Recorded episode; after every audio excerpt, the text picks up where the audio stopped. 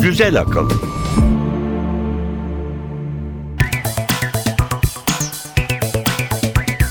Merhaba, Güzel Akıl 29. bölüme hoş geldiniz. Ben Emre Üç Kardeşler. Ben Elif Yılmaz. Bakalım gündemde neler var? Biz bu hafta nelerden bahsedeceğiz? Bir tanıtımımız var. Önce onu dinleyelim. Güzel akılda bu hafta. Kafayı bulan larvalar mutluluğu yanlış yerlerde arasalar da biraz daha içince öğrenme becerileri bambaşka bir boyuta geçiyor. Alkol yalnızca insanları değil, hayvanları da etkiliyor. Dedeler, nineler, iyi niyetinizin kurbanı olmayın. Köşe başında bekleyen dolandırıcılara inanmak beyninizin marifeti. Ama bariz işaretleri kaçırmamak elinizde. Yüz binlerce yıldır fosillerin hamisi olan Amber'e beklenmedik bir rakip geldi. İnsan yapımı bir araç ilk kez güneş sistemi dışına çıktı çıkacak derken yolu manyetik otobana rastladı. Yıldızlar arası uzay beklemeye alındı. Akkor ampuller tedavülden kalkıyor diye dertlenirken tahtın varisinin bile yerinin garanti olmadığı anlaşıldı. Dünya artık fiberle aydınlanacak. Sıkı durun, Zeppelin'le yolculuğa çıkıyoruz. Eski çamlar bardak ola dursun, eski Zeppelinler fişek gibi geliyor. Dokunmatik ekranlar size yalan mı geliyor? Çevirdiğiniz numaraların eski tadı tuzu kalmadı mı? Endişeye gerek yok. Mikro teknolojisiyle eski neşenize kavuşacaksınız. Bir yıl boyunca durmadan yüzdü. 17 bin kilometre yol kat etti. Hayır, hırs yapmanızın faydası yok. Rakip pek dişinize göre değil. Bilim ve teknoloji tarihinde bu hafta neler oldu? Cahillikler Köşesi ve bir portre. Claude Levi-Strauss kimdi? Modern toplumu nasıl bir yanlıştan döndürmüştü? Güney Amerika yerlilerinin arasında ne yapıyordu? Tüm insanlığın ortak yabanıl ögelerinden yola çıkıp hangi bilimsel modeli geliştirmişti? Güzel akıl. Bilim haberleriyle başlayalım isterse. Başlayalım. Alkol nedense her zaman en gözde konulardan biri olmuştur. Alkolün insan davranışlarındaki etkilerini ölçmek için meyve sinekleri ve başka hayvanlarla deneyler yapılır. Bu yılın başlarında yapılan bir araştırmada dişiler tarafından reddedilen erkek meyve sineklerinin teselliyi alkol içeren yiyeceklerde aradığı ortaya çıkarılmıştı. Önceki hafta haberini yaptığımız orta yaş krizine giren maymunlar gibi bu sefer sinekler mi? evet, onlar da teselliyi alkolde arıyorlarmış. Şimdi de alkolden kaynaklanan davranışsal etkilerin ne zaman ortaya çıktığını bulmak için meyve sinekleri yeniden sahneye davet edildi. Geçen hafta Current Biology adlı dergide yayımlanan çalışmada alkol enjekte edilmiş yiyeceklerle beslenen meyve sineği larvalarının istenmeyen bir uyarandan kaçmayı öğrenmeleri gözlemlendi. İnsanı hafif çakır keyif edecek miktarda alkol alan larvaların ayık larvalara oranla beraberinde can yakıcı bir sıcaklık da getiren hoş kokudan uzak kalmayı öğrenmede daha az başarılı oldukları görüldü. Bunlar kokunun peşine gidiyorlarmış. Bununla birlikte 6 gün süren bir içki aleminin ardından alkollü lavraların ayıklar kadar kolay öğrenmeye başladıkları, hatta alkol almayınca öğrenme becerilerinin köreldiği gözlemlendi. Ama yeniden içmeye başlayınca yine eski performanslarına kavuştular. Araştırmacılar bu bulguların omurgasızların öğrenme becerileri ve belleklerinin alkole bağımlı hale gelebildiğinin ilk kanıtı sayılabileceğini ve alkolün sinir sistemindeki hücreleri doğrudan etkilediğinin göstergesi olduğunu söylüyorlar. Sıradaki haberimiz. Sıradaki haberimiz biraz acıklı aslında. Nice anneanneler, babaanneler, dedeler iyi niyetlilerinin kurbanı olup paralarını dolandırıcılara kaptırmışlardır. Araştırmacıların neden yaşların daha fazla dolandırıcılık kurbanı olduklarına ilişkin bir tahminleri var artık. Diyorlar ki yüzlere bakıp güvenilirliği anlama becerisi yaşla birlikte azalıyor. Kaliforniya Üniversitesi'nden psikiyatrist Shelley Taylor ve ekibi yaşları ortalama 23 olan ve bir de ortalama 69 yaşında iki grup insanı güvenilirliğe ilişkin ipuçları barındıran bazı insan yüzü fotoğrafları gösterdiler ve bunları güvenilir ya da güvenilmez olarak oylamalarını istediler. Proceedings of the National Academy of Science dergisinde yayımlanan çalışmanın sonuçlarına göre yaşlılarla gençler güvenilir ve nötr oyunu neredeyse eşit kullanırken yaşlılar güvenilmez oyunu gençlerden daha fazla kullandı. Ama bunun aslında bariz ipuçlarını ayırt edemedikleri anlamına geldiğini söylüyor araştırmacılar. Sonra aynı yaşlarda başka deneklerden MR yani manyetik rezonans görüntüleme cihazındayken yüzleri oylamaları istendi. Sezgileri kontrol eden beyin bölgesi anterior insula'nın gençlerde özellikle güvenilmez yüzler gördüklerinde çok aktif olduğu gözlemlenirken yaşlılarda neredeyse hiç etkinlik saptanmadı. Taylor bunun yaşların beyinlerinin aman ha dikkat uyarısı vermediği anlamına geldiğini söylüyor. Peki bu değişiklik neden oluyor beynimizde? Bu değişiklikle ilgili bir takım tezler var ama yine de bu sonuçların beyinde yaşa bağlı oluşan değişikliklerden mi yoksa beyin bölgelerindeki etkinliğin düşüşünü de açıklayabilen güvenilmezliğin toplumsal işaretlerini saptama konusunda yaşların daha az motive oluşlarından mı kaynaklandığını anlayabilmek için daha fazla araştırmaya ihtiyaç olduğu araştırma ekibince dile getiriliyor. Bir önceki araştırma da yaşlıların gençlere oranla olumlu bilgileri olumsuzlardan daha fazla anımsadığını gösteriyordu. İyi olanlar daha fazla hatırda kalıyor. Evet işte artık bir naiflik herhalde. Sebebi ne olursa olsun yaşlılar kötü niyetliler tarafından daha kolay kandırılıyorlar. Maalesef bu böyle.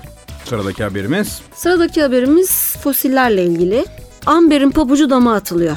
Yumuşakçalarım yıllarca mükemmel şekilde koruyabilen başka bir kahraman bulundu. Fosilleşmiş krizalit. Çabuk katılaşan ve fosilleşen krizalit birçok sülük ve solucan türünde sümüksü yumurta kılıfı olarak korunur. Yaklaşık 20 yıl önce Norveçli bilim insanları fosilleşmiş krizalit içinde mükemmel halde korunmuş bir yuvarlak solucan bulmuşlardı. Ama daha sonra kimse meselenin üstüne gitmemişti. Herhalde bulduk tamam bakmayalım daha fazla demişler. ama az da olsa birkaç kişi gitmiş galiba bunun arkasından. Evet, geçen hafta Proceedings of the National Academy Science dergisine yayınlanan araştırmaya kadar giden yoktu ama artık var biliyoruz. Kansas Üniversitesi'nden paleobiyolog Benjamin Blanfleur ve ekibi Antarktika dağlarında 200 milyon yaşındaki kayalarda fosilleşmiş krizalit buldular ve bu defa incelemeyi akıl ettiler. Sadece organik maddeleri bırakacak şekilde kayayı asitle erittiler ve 20 sülük krizaliti çıkardılar. İçlerinden biri gölet ve akarsularda yaşayan modern Vorticella'ya tıpatıp benzeyen çok iyi korunmuş halde silli protozoa yani tek hücreli barındırıyordu. Bunun önemi tek dişe dokunur silli protozoa fosili olması. Bu da akıllara krizalitin tıpkı amber gibi az rastlanan fosilleşmiş canlılar için mükemmel bir koruma kılıfı olacağını getiriyor. Demek ki bundan sonra fosil bilimcilerin gözleri daha fazla krizalit arayacak. Kesinlikle iyi haber. Son haberimiz göklerden. Curiosity'nin Mars toprağının kimyasal analizini tamamlamasının haberi henüz sıcaklığını yitirmişti ki Voyager'ın manyetik otobana çıktığını öğrendik. İki Voyager uzay aracı biliyorsun 35 yıldır Güneş sisteminden çıkabilmek için sistem içinde hızla yol alıyorlar. Bu aslında gerekli bir şey. Çünkü 35 yıl yakıt dayanmaz tabii. Kütle çekiminden yararlanarak hızlanmaya çalışıyorlar. Voyager 1 amacına çok yaklaştı. Güneş rüzgarlarını arkasına bırakıp yıldızlar arası uzaya açılması an meselesi diye düşünülüyordu. Fakat geçen hafta yapılan Amerikan Jeofizik Birliği toplantısında Voyager'ın gitmeden önce yapması gereken bir işi daha olduğu açıklandı. İyi haber de gecikmedi. Cevval uzay aracı bilim insanlarının haberdar olmadığı yeni bir bölge keşfetti uzayda. Ağustos'ta Neptün ve Plüton'un yörüngelerinin dışında Güneş rüzgarlarından kaçan yüklü parçacıkların yıldızlar arası uzaya çıkmadan önce son bir gayret gösterdikleri bölgeye girmişti Voyager 1. Güneş rüzgarlarının da etkisiyle dışa doğru genişleyen hafif balonumsu yapıdaki bu bölgeye heliosfer deniyor. Voyager'ların yolculuklarını sürdürdükleri heliosfer aynı zamanda yıldızlar arası uzaydan bir miktar kozmik ışının da inceden inceye içeri sızdığı yer. Voyager 1'in manyetik alan ölçümleri gösteriyor ki uzay aracı hala güneşin manyetik alanı içinde heliosferde yol alıyor. Halbuki güneş sisteminin dışına çıktı çıkacak gözüyle bakılıyordu kendisine. Ama görünen o ki insan eliyle yapılan ilk aracın ilk kez güneş sistemi dışına çıkması nereden baksak daha en az birkaç ay belki de bir yılı bulacak. Eh 35 yıl sabretmişiz biraz da sabredeceğiz. Artık bakalım göreceğiz. Bir de herhalde şöyle düşünüyorlardır. Şu anki teknolojiyle sahip oldukları gözlem cihazları Voyager 1'de olabilseydi çok daha fazla veri toplarlardı Tabii herhalde evet ama mutlaka. yapacak bir şey yok. Evet bekleyeceğiz. Beklerken bir şarkı dinleyelim o zaman. Bir şarkı dinleyelim. Larvalardan bahsetmişken Fresh Maggots'tan dinleyelim Rosemary Hill.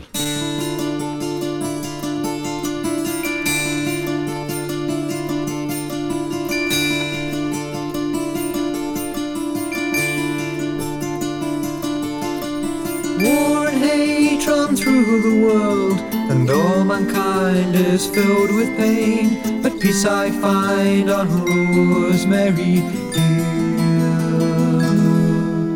The sun will rise in its own good time and shine upon the things I love. I can't feel sad on Rosemary Hill. Rosemary Hill, Rosemary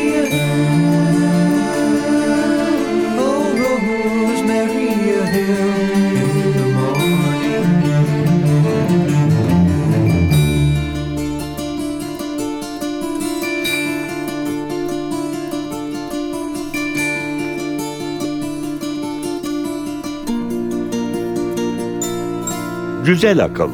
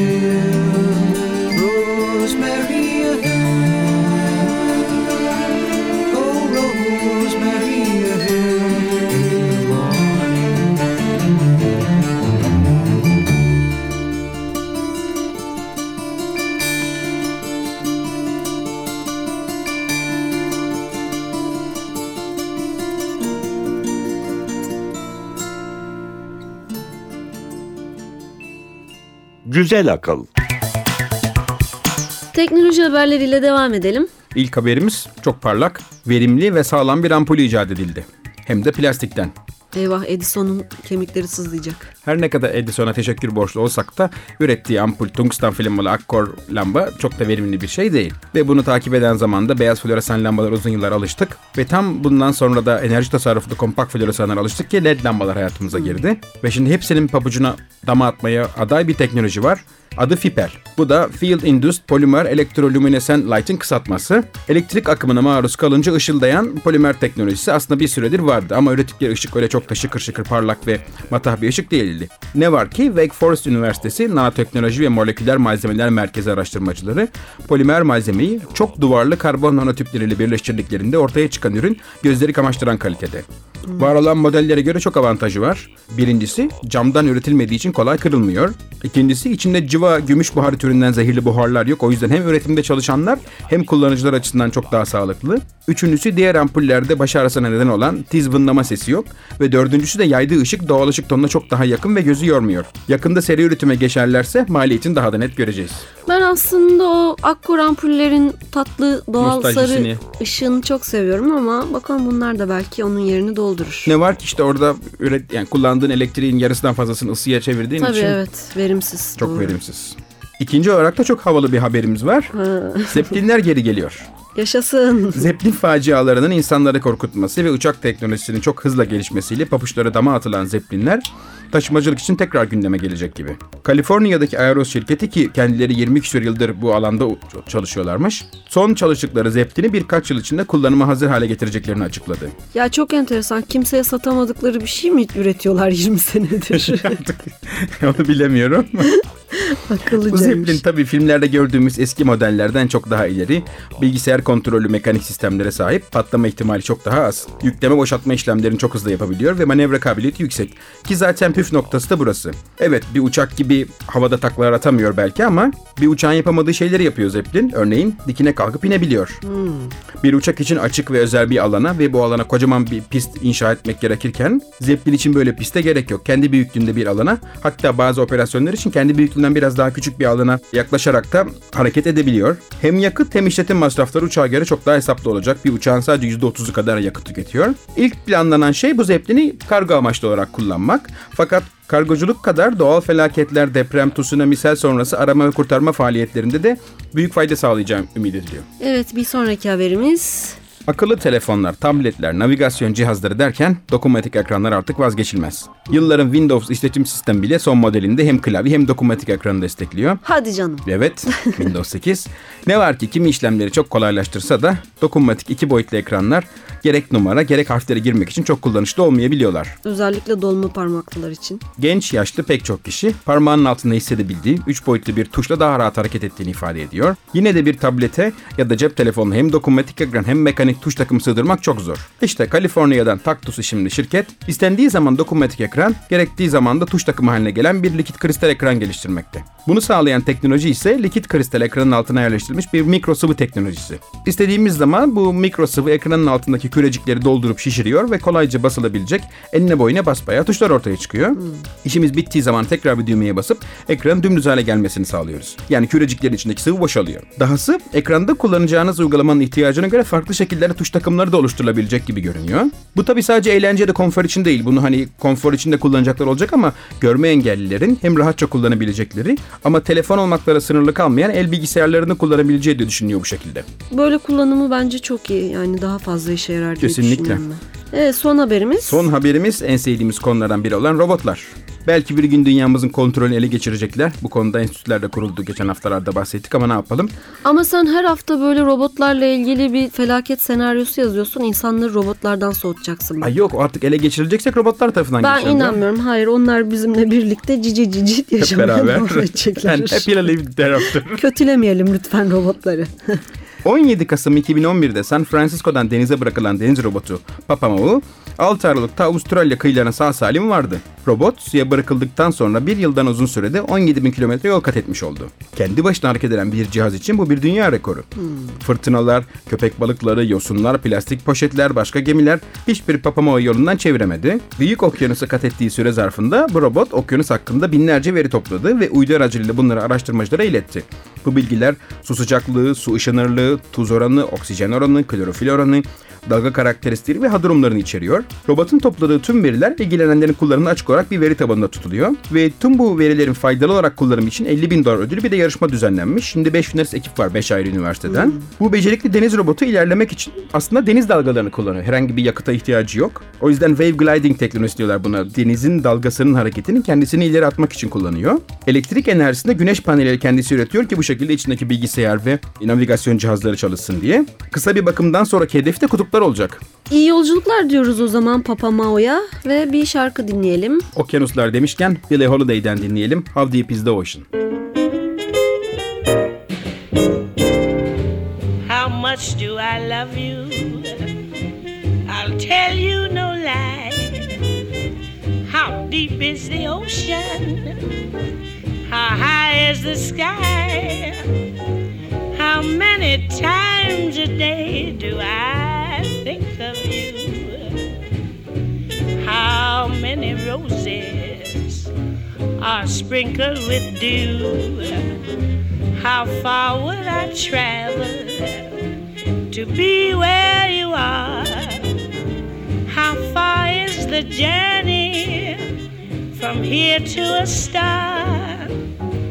And if I ever lost you, how much would I cry? How deep is the ocean? How high is the sky?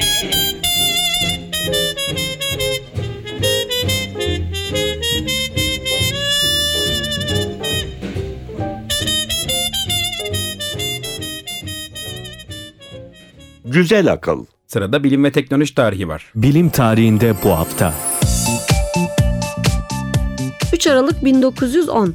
Neon ışığı Fransız fizikçi Georges Claude tarafından ilk kez Paris Motor Show'da halka bir gösteriyle tanıtıldı. Renkli ışık elektrik akımının vakum tüpü içindeki soy gazlardan geçirilmesiyle üretiliyordu. Günümüzde kripton, ksenon, helyum gibi çeşitli gazların da katılımıyla 150'den fazla renkte neon ışığı üretilebiliyor. Paris Motor Show'da tanıtıldığına göre o zamandan belliymiş eğlence amaçlı olarak öncelikle kullanacağı. Evet. 4 Aralık 1998 uzay mekiği Endeavour, Uluslararası Uzay İstasyonu'na 6 kişilik ilk mürettebat taşımak üzere fırlatıldı. 5 Aralık 1952. İngiltere'nin başkenti Londra'ya çöken ağır sis 4 gün dağılmadı. Görüş mesafesi öyle düşmüştü ki Ulaşım tam bir kaosa dönüştü. 4000'den fazla insan yaşamını kaybetti. Havanın ısınması ve çıkan kuvvetli rüzgar sayesinde sis ancak 4 gün sonra dağıldı.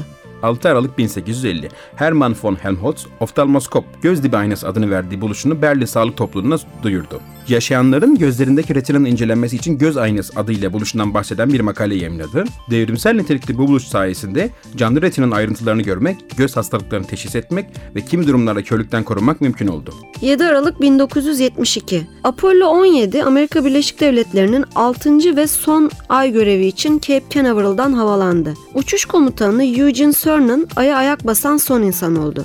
Cernan'la birlikte ekipte modüle pilotluk yapan Ronald Evans ve Harrison Schmitt de bulunuyordu. Aslında jeolog olan Schmitt Ay'a gönderilen ilk bilim insanıydı. 8 Aralık 1994 110. elementin keşfinin üzerinden birkaç ay geçmişti ki Peter Armbuster önderliğindeki ekip 111. elementi ürettiklerini açıkladılar. Ununium adı verilen elementin çekirdeğinde 111 proton ve 161 nötron bulunduğundan kütle numarası 272 olarak belirlendi. 9 Aralık 1968 Amerikan Bilgi İşleme Toplulukları Federasyonu'nun Stanford Üniversitesi'nde düzenlediği konferansta ilk kez bilgisayar faresi, interaktif bilgisayar kullanımı için kilometre taşı olacak bir gösteriyle tanıtıldı. Farenin mucidi olan Doug Engelbart 17 Kasım 1970'te buluşu için patent aldı. Şimdi sırada cahillikler köşesi var onu dinleyelim. Cahillikler Köşesi Hangi olasılık daha yüksektir? Yıldırım düşmesi sonucu ölmek mi? Asteroid çarpması sonucu ölmek mi? Asteroid çarpması sonucu ölme ihtimali iki kat daha fazladır. Büyük bir asteroidin dünyaya 1 milyon yılda bir kere düştüğü tahmin ediliyor. İstatistiksel olarak bu süre çoktan aşılmış durumda. İngiltere'de yapılan bir araştırmaya göre yılda bir kişinin yıldırımdan ölme ihtimali 10 milyonda birdir. Bu oran bir yılan tarafından sokularak öldürülme ihtimaliyle hemen hemen aynıdır. Bir asteroidin dünyaya çarpması halinde ise 1 milyardan fazla kişi ölür ve bu durumda olasılık 6 milyonda bire düşer.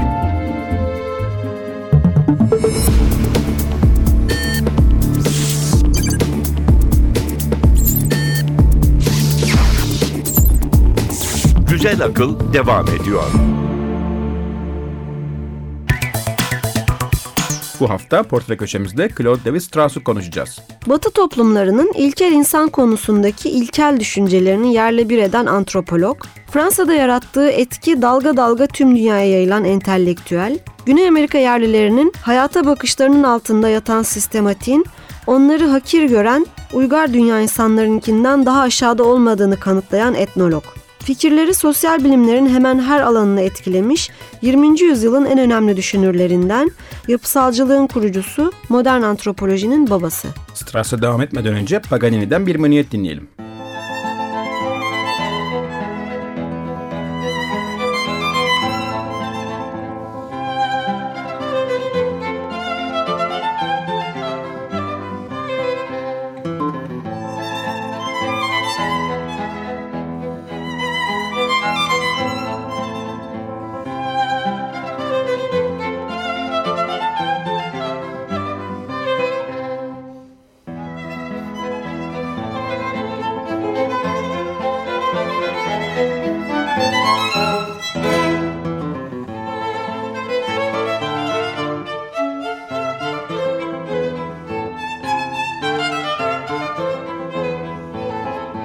Güzel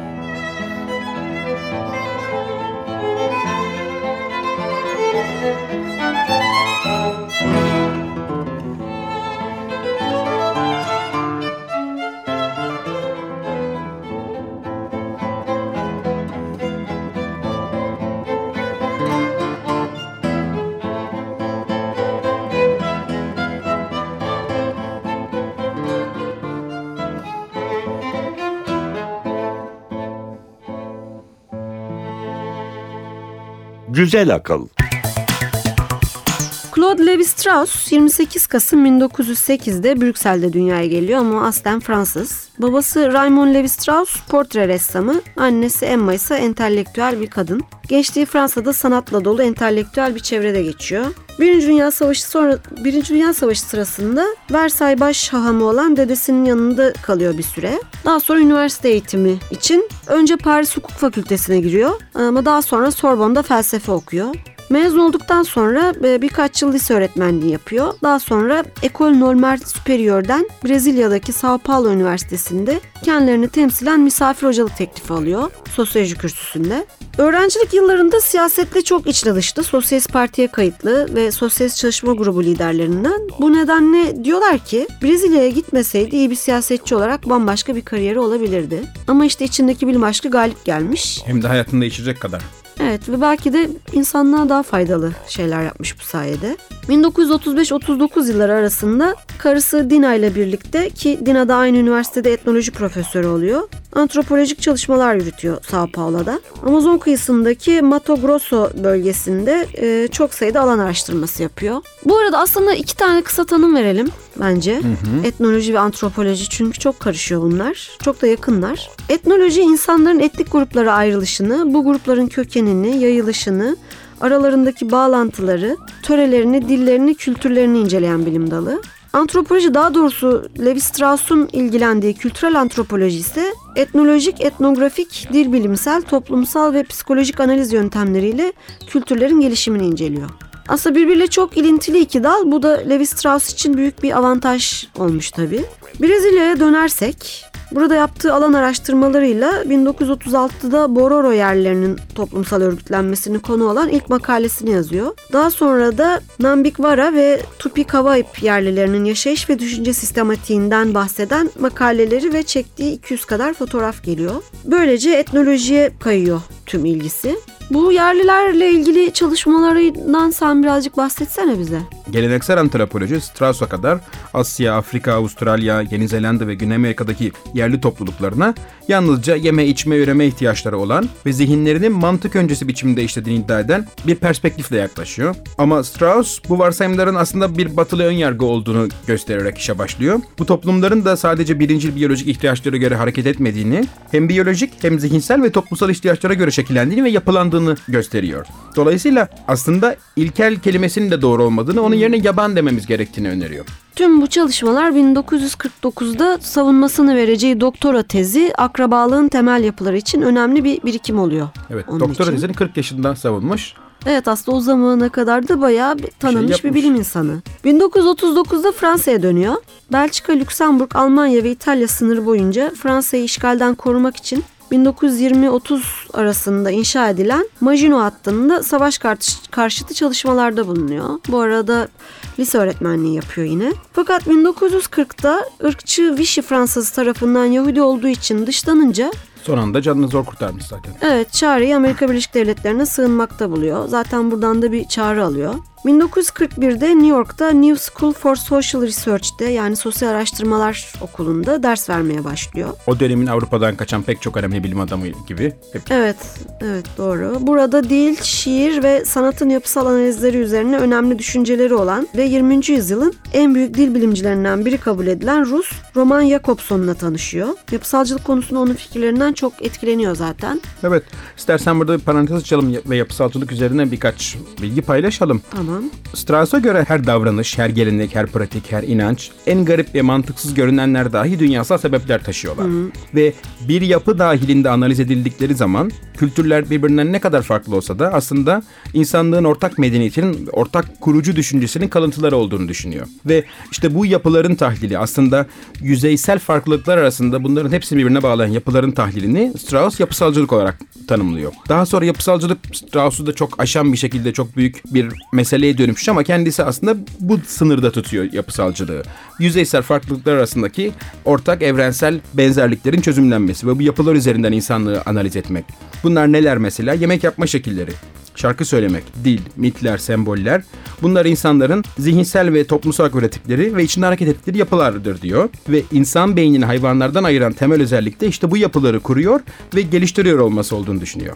Ve galiba dünyanın neresine gidersek gidelim bu temel şeyler değişmezdir. Evet hepimiz insan olduğumuza göre ve insan beyni taşıdığımıza göre mesele insanın kafatasının şekli şu bu gibi ırkçı antropolojinin ya da ırkçı sosyolojinin ya da evrim teorisinin iddia ettiği kafanın şekli şu bu değil. Hepimiz aynı beyni taşıdığımıza göre bu beyni insan beyni yapan bir fark var. Bu da bu yapıları üretme ve geliştirme kabiliyeti ve karşıtlıklar kurma kabiliyeti olduğunu düşünüyor. Evet, zaten ilişkilere dayanan toplumsal gerçekliğin özne ve psikolojik merkezli yaklaşımlardan bağımsız olduğu fikrini de Evet. Bu yapısal dil bilim modelinden yola çıkarak geliştiriyor. 1942'de 2. Dünya Savaşı boyunca sürgündeki Fransız entelektüelleri için bir sığınak olacak. L'École Libre des Autres Études yani Özgür Yüksek Eğitim Okulu'nda dönemin önemli bilim insanları ve düşünürleriyle birlikte çalışıyor. Fransız hükümeti tarafından 1946-47 yıllarında yine Amerika Birleşik Devletleri'nde kültürel ateş olarak görevlendiriliyor. 1948'de artık yeter diyor vatanına temelli dönüş Geri dönüyor. yapıyor. evet. Collège de France'da dersler vermeye başlıyor. Collège de France da enteresan bir okul o dönemde. Hatta günümüzde de o yapıda başka bir okul var mı ben bilmiyorum. Not sistemi yok. Herkese açık, kayıt olmayı gerektirmeyen, çok kaliteli pozitif bilimler, beşeri bilimler ve sanat eğitiminin verildiği Fransa entelektüel hayatına çok önemli katkıları olan bir okul. Ve çok ilginç bir okul. Burada en büyük dersleri verenler yoklama almaları yasak hocaların ve her yıl yeni bir ders açmak zorunda ve kendi orijinal araştırmasına dayanan yeni bir ders açmak zorunda hocalar. Evet hocaları da zorlayan. Çok kesinlikle ve çok büyük bir preşiz o yüzden orada her yıl ders verme hakkına sahip olmak. Claude Levi-Strauss 1952-82 arasında kültürel antropoloji ana bilim dalında kürsü başkanı olarak bu okulda görev yapıyor. Düşün yani 30 sene bu prestijli okulda bir kürsü başkanlığı görevi sürdürüyor. En uzun yapanlardan biri de Michel Foucault daha sonra. Hmm. 1955'te kendisine çok geniş bir okur kitlesi kazandıran, yalnızca halktan değil eleştirmenlerden de tam not alan kitabı Tristropik yani hüzünlü dönenceleri yayımlıyor. Hatta o kadar sükse yapıyor ki kitap Goncourt Edebiyat Ödülü jürisi kitap teknik olarak roman formatında yazılmadığı için Roman ödülü veremiyoruz. Evet çok üzüldüklerini belirten bir açıklama yapıyorlar. Aslında ilginç bu başlıkta bir eseri yazmak gençlik yıllarından beri hayaliymiş Strauss'un ve roman olarak yazmayı Aa, planlamış. evet, bu doğru. başlıkta ne yazacağını bilmiyormuş ama bu başlıkta bir roman çok güzel olur diye düşünüyormuş. Önce başlığı koyalım gerisi gelir demiş ama gerisi beklediği gibi gelmemiş. Bambaşka bir formatta. Kitap Güney Amerika'dan Bangladeş'e kadar gezi anılarıyla felsefi tefekkürünün mükemmel bir karışımı olarak okurlarıyla buluşuyor. Yapısal antropolojinin temellerini de bu kitapta atıyor aslında. 1958'de yazdığı Yapısal Antropolojide de antropolojinin yöntem ve ilkelerini açıklığa kavuşturuyor. 1973'te kitabın ikinci cildi Din ve Büyü geliyor. 1961'de yayıncılığa el atıyor. Enteresan. ve dil bilimci Emil Benveniste ve Pierre Guru ile birlikte antropoloji ve etnoloji üzerine LOM yani insan adlı bir dergi çıkarmaya başlıyorlar. Kendisi sık sık yazmış bunda. Evet yazmış hem editörlüğünü yazmış yapmış pardon hem he- evet hem editörlüğünü yapmış hem yazarlık yapmış. 1962'de bir başka ünlü kitabı La Pensée Sauvage Yaban Düşünceyi yayınlıyor. Yaban düşünce Strauss için aslında işte bir takım kabilelerin, yerlerin ilkel düşüncesi değil. Aksine yaban düşünce bütün insanlığın en soyut, en temel düşünme biçimi olarak ele alıyor Strauss bunu. Ve hani bunu bilimsel düşüncenin yerine koyuyor değil. Bilimsel düşünce daha sonra soyut kavramları da geliştirerek düşünme şekli. Fakat yaban düşünce nesneler arasındaki ilişkileri ortaya koymak, somut olanın bilimi olarak düşünüyor bunu. Evet kitabın adında da bir sözcük oyunu yapıyor aslında. Aa, çok Pan- hoş. Pensée Fransızca'da düşünce anlamına geliyor ama bir de pensée yani hercai menekşe sözcüğünü çağrıştırıyor. Shakespeare'in Hamlet'inde Ophelia'nın bir tiradından esinlendiği söyleniyor. Levi Strauss entelektüel düşünceyi yabani bir çiçeğe benzetiyor. Aslında böyle bir metafor var. Entelektüel fikirlerin uygarlıktan uzakta, belirli yaşamsal koşullarda yeşerdiğini, geliştiğini savunuyor. Batı toplumlarının ilkel insan dediği kişinin ya da onun düşüncesinin aslında ilkel değil, yaban ya da vahşi olduğu tezini ortaya sürüyor. Şöyle demiş, Nesnel bilgiye susamışlık bizim ilkel dediğimiz insanların düşüncelerinin en fazla göz ardı edilen özelliklerinden biridir. Strauss'a göre yaban düşünce toplumsal, soyut ve kavramsal düşüncenin bir öncesi ve aslında somut olanın biliminin yaban düşünce olduğunu söylüyor. Ve burada önemli olan insanların elde var olan malzeme veriler ile bir düşünme biçimi sistemi geliştirmeleri. O yüzden buna somut olanın bilimi ismini vermiş. Ve bu perspektiften bakıldığı zaman batılı bir gözlemci o güne kadar çok anlamsız, aptalca, saçma gelen bir takım alışkanlıklar mesela totemler aslında totemin doğa güçlerine boş bir inanış falan değil. Herkes büyük oranda farkında totemin doğaüstü gücünün falan olmadığı ama belirli semboller ve simgeler üretmeye olan ihtiyaç ve bu ihtiyacın bir toplumsal amaca hizmet etmesi şeklinde olduğunu düşünüyor. Ve ilkel insanların bitki ve hayvan türlerini bir araya getirerek kullanmaları aslında bizim modern dünyadaki bazı sembollerimizden çok çok garip değiller fakat teknolojinin bu kadar ilerlemiş olduğu modern dünyada da biraz daha fazla gözümüze çarpıyorlar diyor. Bütün aslında iş bunların doğaüstü güçlere sahip olması değil toplumsal öneme sahip olması.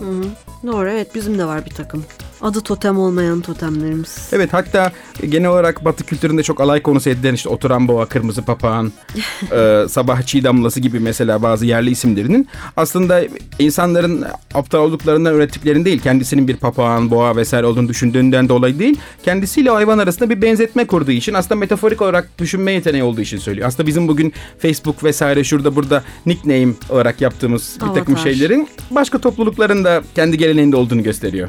Neyse bizde de öyle isimler var. Onlar da rahatlar herhalde bunu duyunca. 1964-71 arasında 4 ciltlik kitabını yayımlıyor. İlk cilt Çiğ ve Pişmiş. ikinci cilt Baldan Küle. Üçüncü cilt Sofra Adabının Kökeni ve son olarak Çıplak İnsan. 1975'te yazdığı kitabı Maskelerin Yolunda Kuzeybatı Amerika kıyılarında yaşayan yerlilerin sanat, din ve mitlerini inceliyor. Daha sonra uzaktan bakış, verilmiş söz gibi birçok başka kitap geliyor. Çok çalışkan ve üretken bir bilim insanı ve tabii yazar. Bu arada Fransa bu önemli değere sahip çıktığını her fırsatta belli ediyor. 1964'te Lejyon d'Honneur nişanını, 1968'de Ulusal Bilimsel Araştırma Altın Madalyasını alıyor. 1973'te de Akademi Fransız üyeliğine seçiliyor. 2008'de akademinin 100 yaşına erişen ilk ve tek üyesi oluyor. 2009 Nisan'ında da akademi başkanı oluyor ama ne yazık ki bu görevde fazla kalamıyor. Çünkü 101. yaşına girmesine birkaç hafta kala 30 Ekim 2009'da hayata veda ediyor. Claude Lévi-Strauss bizden farklı olana bakışımızı değiştirmeyi başarabilmiş, gelmiş geçmiş en önemli bilim insanlarından biriydi. Sosyal bilimlere getirdiği bakış açısı ve kazandırdığı yöntemler sayesinde dünya döndükçe o da varlığını sürdürecek. Ve maalesef biz bu haftaki programımızın sonuna geldik. Kapanışı hangi şarkıyla yapalım? Bazen Strauss'un düşünce şeklini müzikal olarak ifade ettiğini düşündüğüm biriyle bitirelim o zaman. John Coltrane'den dinliyoruz Blue Train. Hoşçakalın. Hoşçakalın. Güzel